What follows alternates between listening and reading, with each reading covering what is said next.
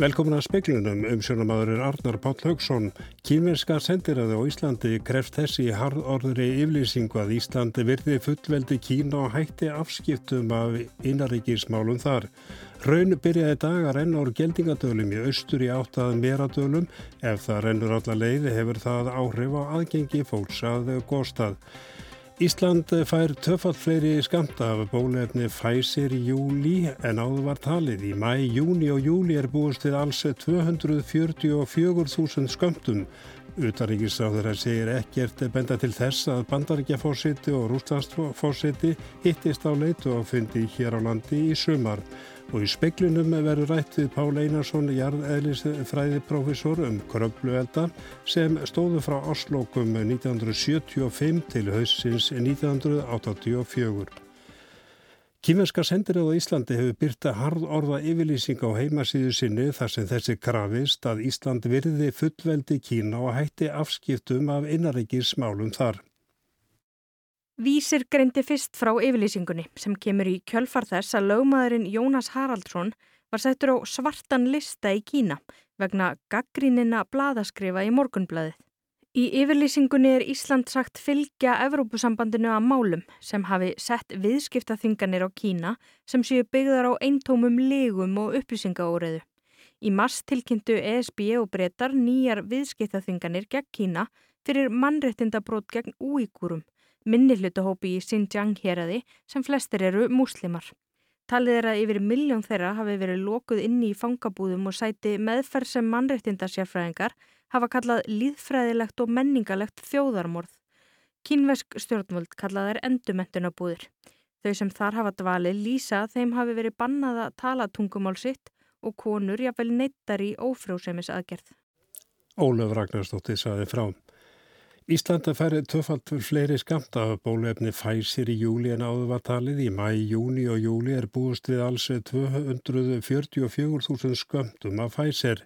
Í dag var einni tilkynnt að bólusetning með bólefni AstraZeneca verður í bóði fyrir fólku 60 ára á eldra. Undanskildir eru þeir sem hafa áhættu þættir sem auka hættu á seka myndun. Þeir sem ekki þykja AstraZeneca bóluefni þegar bóð best fá ekki annað slikt bóð en geta fylst með auglýsingum um opna daga í bólusetningar. Ragnir Ósk Ellensdóttir, framkvæmdastjóri hjúgrunar á heilsugjæslu höfuborgarsvæðisins, segir með öllu óvist hvenar haldnir verði opnir dagar og ekki sé farið að skipulegja þá. Raun er tekið að renna úr geldingadölum í austur í áttað meradölum. Ef það rennur alla leið hefur það áhrif að aðgengi fólks að gígonum. Þorvaldur Þorðarsson eldfjallafræðingur segir hugsalegt að raunnið renni suður á bógin. Það nýjasta sem verður að gerast er það að raunnið er núna búin að flæð að koma sér yfir haftið e, sem var austan við geldingadalina og komið yfir það og e, er núna á, á leiðinni þarna niður úr í áttina meira dölum gæti hugsanlega að fara eitthvað sögur eftir, það er ekki alveg, alveg ljós hvert að fyrir ákvarðan í líkinar. Þorvaldur segir að hraunið renni ekki hratt eða um einhverja 20 metra á klukkustund. Það fór yfir haftuð um hátegispil í dag. Hann býst ekki við að hraunið fari langt ef það nær niður í meradali. Ef það gerist, geti það aftrað för fólks að góðstöðunum. Það hefur verið áhrif á það.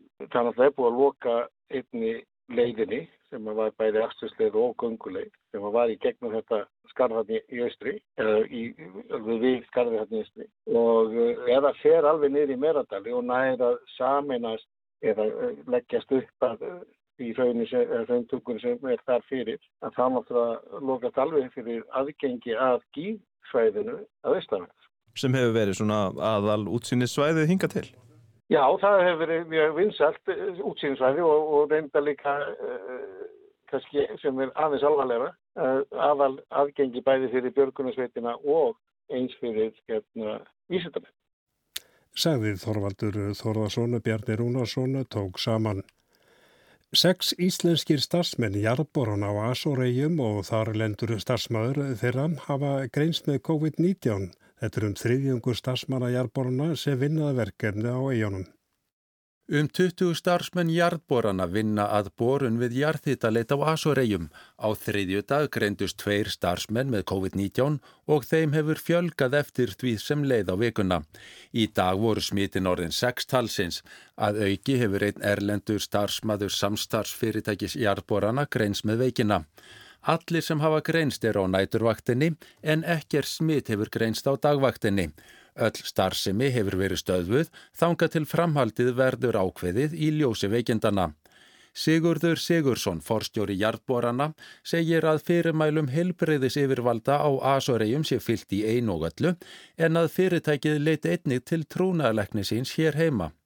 Og síðan erum við að leggja líka svolítið tröst á COVID-göngudeildjan og landsbítalunum að þeir hjálpa okkur í því að hafa samband við mannskapin okkar hann úti. Þetta, þetta er náttúrulega kort í senn uh, líkanlegt ástand og, og ekki síður getur komið svona handlegt vangaveltur ínsar í, í, í samlega þessu. Sko.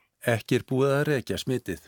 Þau lýsa þessu sjálf þannig að, að þetta er allt frá því að vera engin veikindi eins og þessi er bara ekki veik og annars verður upp í svona flensu enginni og, og, og ég er að vona að það verði ekki verra. Verði veikindin hins ver alvarlegri sé heilbreyðskerfið á Asoríum vel undir það búið að takast á við þau. Brynjólur Þór Guðmursson sagði frá. Ríkisendurskoðun telur ekki tilefni til að gera aðtóðasendur við skuldarsöfnunum VÁ er hjá Ísafja meðal annars vegna þessa stjórnendur Ísafja töldu sig hafa fullnægandi tryggingu, tryggingu sem síðan flög úr landi í óþökk Ísafja. Árið 2018 lendi VÁR í verilegum vanskilum við Ísafja og sætti Ísafja fyrir það miklu ámæli þar sem því var meðal annars haldið fram að um ólöglega ríkisaðstóð var að ræða. Ríkisendurskoðun var falið að skoða hvort svo hafi verið og hvort Ísafja hafi verið heimilt að veita VÁ greiðslufresti. Í skýslu ríkisendurskoðunar um fall VÁ segir að stjórn Ísafja hafi unni með VÁ um lustn á greiðsluvanda félagsins og forðast að beita heimil til að kyrsetja flugvöla félagsins. Það sem slíkt hefði að öllum líkindum gert út af við félagið. Ekkert í lögum Ísafja komi í veg fyrir að félagið semji við viðskiptavinni um niðugreðslu skulda, auk þess sem greiðslufrestir og lánakjör vá voru miðuð við markasvexti og þar af leiðandi ekki óeðlileg ríkistafstóð. Þá hafi Ísafja talið sig hafa fullnægindi tryggingar í höndum, það er flugvilar frá vá. Þegar váfjall helt Ísafja eftir einni flúvel vá sem tryggingu fyrir skuldum félagsins. Flúvelin var hins vegar ekki í eigu vá, heldur flúvila leigunar ALC sem höfðaði mál til að fá kyrsettingu aflétt. Hérastómur fjálst á að aflétta bæri kyrsettingunni og áðurinn Ísafja náða áfríða til landsrettar var flúvelin, eina haldbara trygging Ísafja fyrir skuldum vá, flógin úr landi. Málunni er endar enn ólokið því Ísafja hefur höfða mál gegn ríkinu fyrir að aflita kyrsetningunni. Magnús Geir Ejjálsson saði frá. Guðlugur Þór Þórðarsson, utarengisar á þeirra, segir ekkert er benda til þess að Jó Bætin er bandaríkjafósiti og Vladimir Putin er úslandsfósiti hittist á leituafundi hér á landi í sumar. Þeim standið það þó vissulega til bóða. Það er ekkert á þessu stígi sem að bendi til þess að, að því getur orðið en eh, ég hef eins og að lísti yfir að við erum alltaf tilbúin til þess að gera það sem við getum til þess að koma á eh, samtali og, og eh, á milli þessu tilfelli stór, þessara stórvelda. Sergei Lavrov, utanríkisráð þeirra Rúslands, hefur hins vegar bóðað komu sína hinga til lands á ráð þeirra fundur Norðskjöldsráðsins í mæ. Þar gæti hann hitt bandareiska kollega sinn, Antoni Blinken, í fyrsta sinn komi hann á fundin en vonastir eftir góðri mætingu utaríkisráð þeirra Norðsköldsríkja. Ég hef fyrir lungu uh, sendt öllum utaríkisráðurunum bóð um að, um, að, uh, um þann fund en það skal þó eins og tekið fram að uh, þegar við fundum á þessum vettvangi að þá eru við uh, að ræða hagsmunni í Norðurslóðana og önnur mál eru ekki tekið fyrir þar sagði Guðlúr Þór, Þórðarsson, Andri Irkill Valsson tók saman.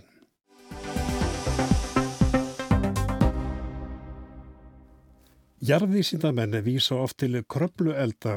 Það eru rúmið 45 ára frá því að fyrst gauðs við kröplu 20. desember 1975. Páll Einarsson jarðelisefræði profesor segir að kröplueldar hafi verið allserjar leksía í mismunandi atbyrjar á sem tengist kvík og spennu á flekaskilum en eh, það eru margir sem er ekki alveg með á hreinu hvað kröplueldar vorum. Þegar fyrsta gósið var vart eh, flög eh, Kári Jónásson fréttamar út á sinns að gósinu með vél flugstöðvarinnar og flugstjóri þá var Sigur Geir Sigursson. Kári fekk að nýta flugbilgjuna og þannig var hægt að nota flugvjela radioið til að komast í beina útsendingu.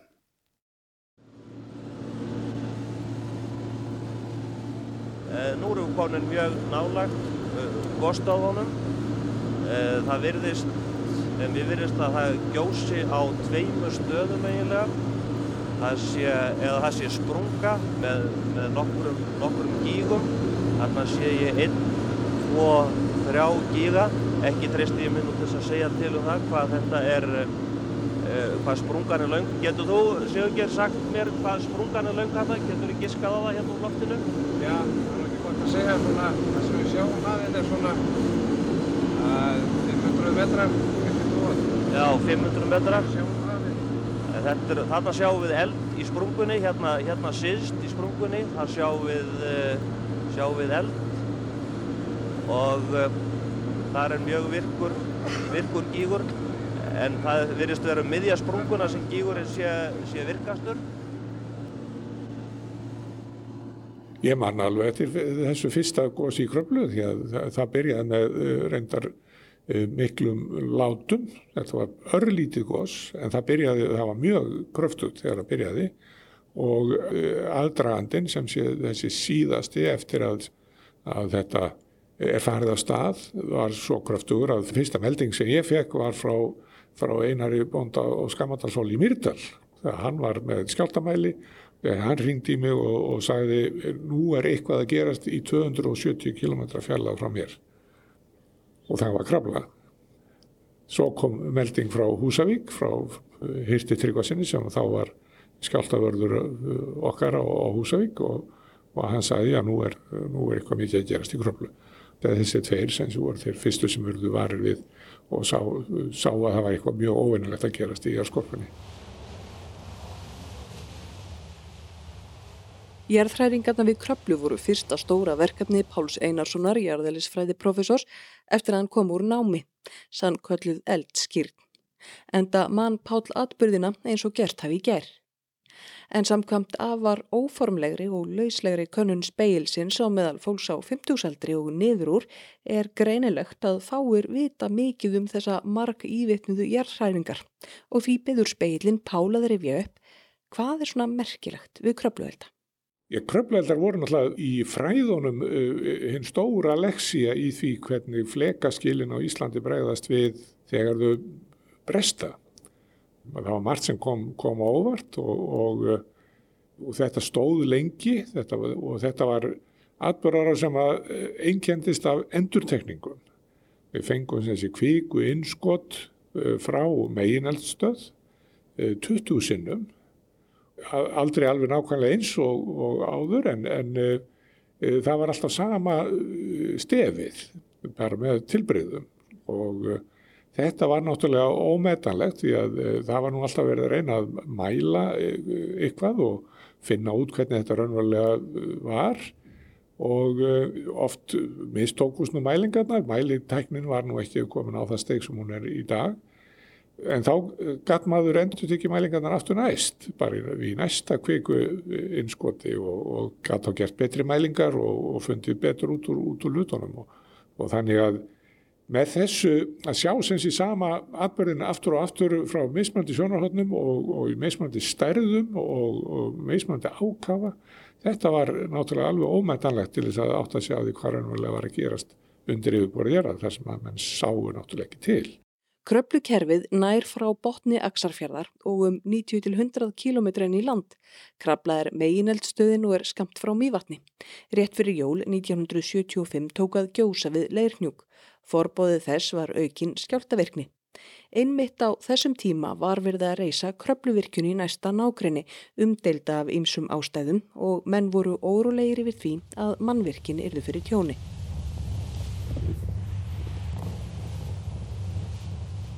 Kvika kom upp á yfirborðið með eldgósum nýju sinnum á árunum 1975 til 1984 en oftar komst hún ekki upp heldur þrengti sér leiði neðanjarðar með tilherandi jarðhræringum.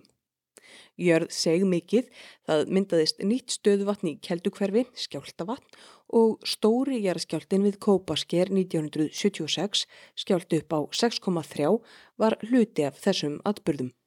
Já, það sem að gerðist í kröflu voru ekki bara þessi eldgóðs, það voru kvíkuinskott og glíðnun á flekaskílón. Krafla er flekaskíla eldfjall, er beint á flekaskílónum millir Norðar-Ameríku og Eurasíu og uh, þessi umbrót þau tóku 80 km stikki af flekaskílónum sem glíðnuðu þá um marga metra meðan á þessu stóð það var atbyrðurinn sem raun og veru var í gangi og uh, kvíkuframleyslan var svona uh, bíprodukt af, af, af því. Það, það var sem sé kvíkan tók þátt í, í því. Þarna voru sem sé gríðarlegar uh, fæslur í gangi. Þetta, er mjög stór atbyrður, gröflu atbyrðinir. Það er sem sé 80 km stikki af flekaskilum sem glýðna allt upp í 8-9 metra á þessu tímubili sem þarna var. Þannig það var einn raunveruleg atbyrður sem gerðist og svipað er kannski upp á tenningnum hér á, á Reykjanesi, atbyrðin sem hafa verið í gangi þar núna og er í gangi núna. Þetta eru atbyrðin sem að taka til líka, reynda það er nú sennilega tilvílin, en það eru um það byrja 80 km af flekaskilunum sem hafa tekið þátt í þessu fram til þessa. Það er sem sé partur af flekaskilunum alveg frá Kleifarvatni og út eftir öllu Reykjanesi og út uh, að meðskostu út undir Eldei. Og þessu tímubili hafa núna á síðustu 15-16 mánuðum hafa orðið endurtekna skjáltarinnur sem eru stærri eldur en við höfum séð þar uh, áður og uh, þessi virkni hefur verið að, hlaupa fram og tilbaka eftir fleikaskilunum og með kvíku einskotum líka. Þannig að það eru skjáltar, kannski fyrst og fremst, en eh, það hafa verið innskott af meðsakast á þremur mismunandi stöðum á þessum fleikaskílum á þessu tímabili. Og síðasta hrinan og kvíku innskottið sem byrjaði 2004. februar, það hefur verið lang, það langt stærsta fram til þessa. Þannig að atbyrðarásni hefur verið að sækja sér veðri jæmt og þétt. Þannig að þetta litla góð sem er í gangi núna, þetta svona afl litla góð sem er í gangi, það er partur af þessar atbyrðarás e, en alls ekki stæsti parturinn. Það sem flekar hreyfingarnar eru nú verið það sem að hveður langt með stað svona í jærfræðilegum skilningi en þessu svipar til gröflu á ýmsar hátt en alls ekki á allan hátt. Þetta er mörguleiti mjög ólíkt en það eru þessi flekaskil hérna á Reykjaneskaganum gjör ólík þeim sem eru fyrir, fyrir norðan á norðugóðspeltinu. En það er þessi þáttaka kviku í, í fæslónum sem er svipuð að, að sumuleiti. Það er ólíkt til dæmis að við erum ekki með þetta stóra kvikuhólf eins og í kröflu sem var svona hálfgerður nafli at, atbörðana e, á sínum tíma. Það virðist ekki vera neitt slíkt í gangi á, á Reykjanesi. En e, kvikugangurinn sem byrjaði að myndast þarna undir Faradalsfjalli 24. februar að hann eh, gegnir einhvers konar eh, sveipuðu hlutverki. Hann, hann hefur verið svona það sem að skamtar atbyrðar á sína fram, fram að, að þessu nú, með svo til síð, síðasta mánuðin eða svo. Það voru margi farnir að efast um að það myndi nokkuð gjósa á Reykjaneskaganum eftir spennu þrungnar vikur í lók februar og mars þar sem skolfið hafði ótæpilega. Þegar dróður skjáltavirkninni bentu jærvísindamenn samt á að áður en eldgós eða kvikulauburðu í kröplu hafi einmitt dreyið úr skjáltavirkni og aflögun. Þössudagskvöldið 19. mars seittlaði svo kvika upp á yfirborðið. Eins og ég segði þá er krabla allsherja leksja í meismunandi atbyrðarás sem tengist kviku og spennu á fleikaskilum og þetta hefur uh, verið okkur ómetanlegt að, að geta vísa tilbaka í atbyrðarás og sérstaklega það að þegar þarf að tólka eitthvað sem að kemur svona kannski svolítið óvart eins og þegar skindilega dróður skjáltavirkninni núna uh, faradalsfjall að það kviknaði svona gamlu minningum úr kröflu því að þetta gerðist þá gerna á undan jafnvel stærstu kvikulhaupunum og stærri góðsónum að síðasta viðvörunin um að nú sé komið að gósi eða kvikulhupi var gætnan svo að það dró úr hraða atbyrðarásarinnar að það var eins og þegar byrjaði að bresta í að þá línaðist á öllu að þá fór að losna um spennuna ekki með háað á látum heldur var allt orðið svo lind og, og þjált að, að það gaf eftir án skjálta og þetta svona uh, reyndist okkur nokkuð heiladrútt núna að, að sem sé að blási ekki aðbörðarásin af þegar slaknaði á skjáltavirkni uh, heldur þetta móti að þá vorum við á sérstöku Varbergi en enda var síðan byrjunin á góðsinu svo hljóðlátt að, að það sást ekki á nokkru mælitæki og, og mælitækin eru náttúrulega okkar aug og eiru til þess að fylgjast með hvað er að gerast í neðra og þannig að að við vorum svona svolítið blind og heyrnalaus þegar skjáltarnir hættu og þegar þetta síðan byrjaði með þessum róli heitum að þá voru margir sem trúði ekki sínum eigin augum eiginlega. Þetta er þá komið í reynslubankan?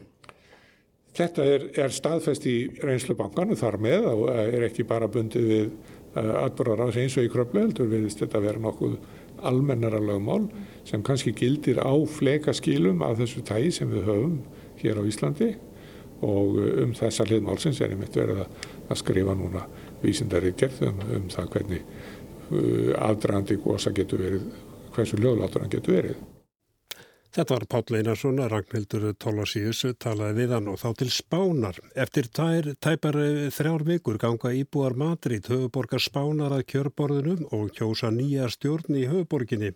Sangvað skoðanakonunum fá vinstru að hægri flokkarnir þrýr kvoru megin, nákvæmlega sama fjölda þingmanna. Kostningabaróttan er hatrum en hægri menn hafa farið með völd í borginni í rúmlega aldar fjörðung. Madrid er eitt 17 sjálfstjórnarheraða spánar. Sjálfstjórnarheröðun njóta mikils sjálfstæðis, fara með stjórn mikilvægra málaflokka eins og mentamála og heilbriðismála svo dæmi séu tekin.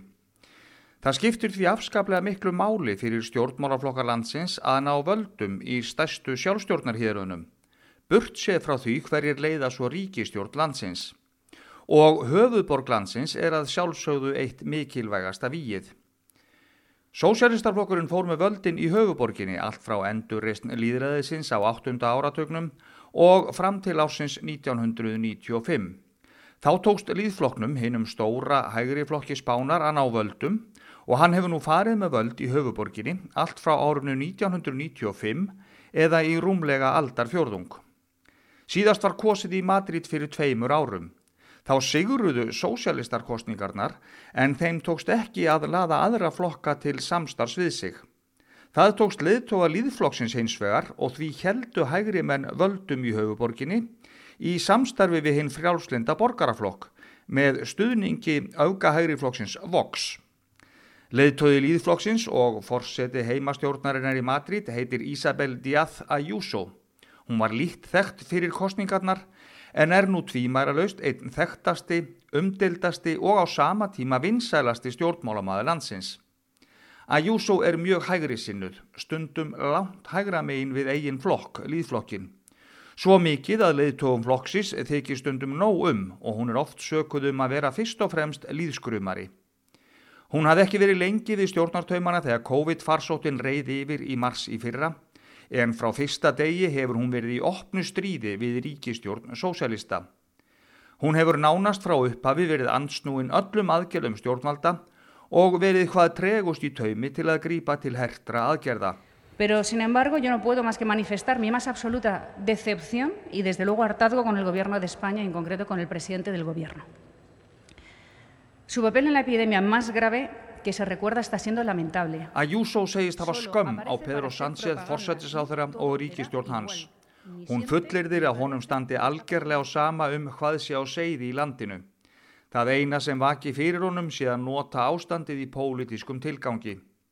Hún segir að ríkistjórnin hafi veitt Madrid miklu minni efnagslega aðstóð en öðrum héröðum spánar og að Sánchez sé drifin áfram af hatri á höfuborginni.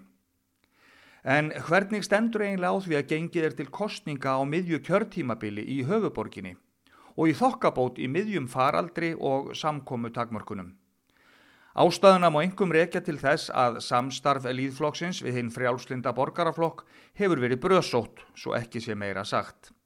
Borgaraflokknum eins og fleirum þykir að Júsó vera alltaf því grímulös populisti og oft hefur komið til hardra áreikstra á milli flokkanna.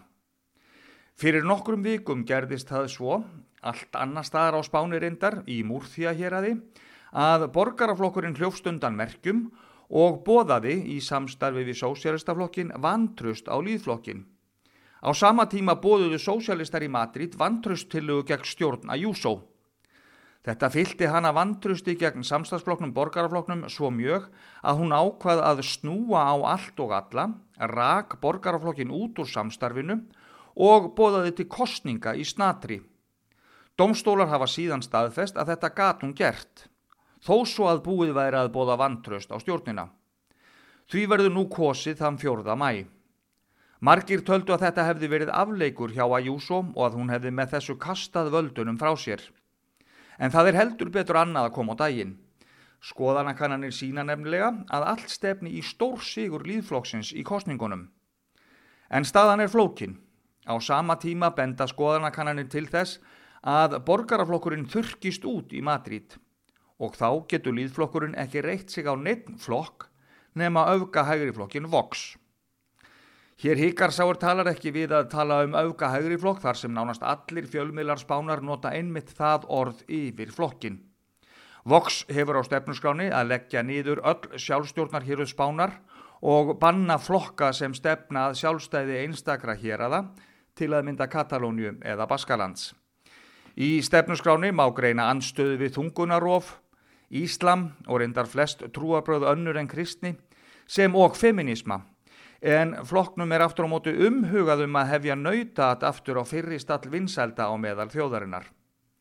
Og þetta reyna sósjalistar óspart að notfæra sér í kostningabaráttunni sem sé að sigri líðflokkurinn þá geta hann ekki stjórnað nema með fulltingi voks. Sino que quiere convertir a Madrid en la primera región de Europa en la que gobierne la ultraderecha. Ángel Gabilondo, forsetaefni sósialista í Madrid, hefur einmitt vara við því að verði þetta raunin, þá verði Madrid fyrsta höfuðborga Evrópu þar sem auðga hægri flokkur fari í raun með völdin.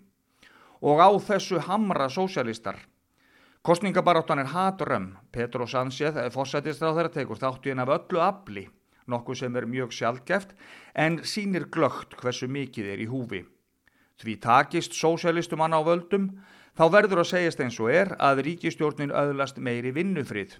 Því öflugasta stjórnaranstaðalandsins er á nokkuð svafa stjórnin í Madrid og Isabel Díaz Ayuso forseti heimastjórnarinnar. Staðan er gríðarlega tvísín. Niðurstöður tveggja skoðanakannana hafi verið kynntar það sem að vera apríl. Niðurstöðu begja sína að staðan er nýfjöfn á milli flokkana þryggja og vinstri ásnum og þeirra þryggja sem aðhyllast hægri stjórn.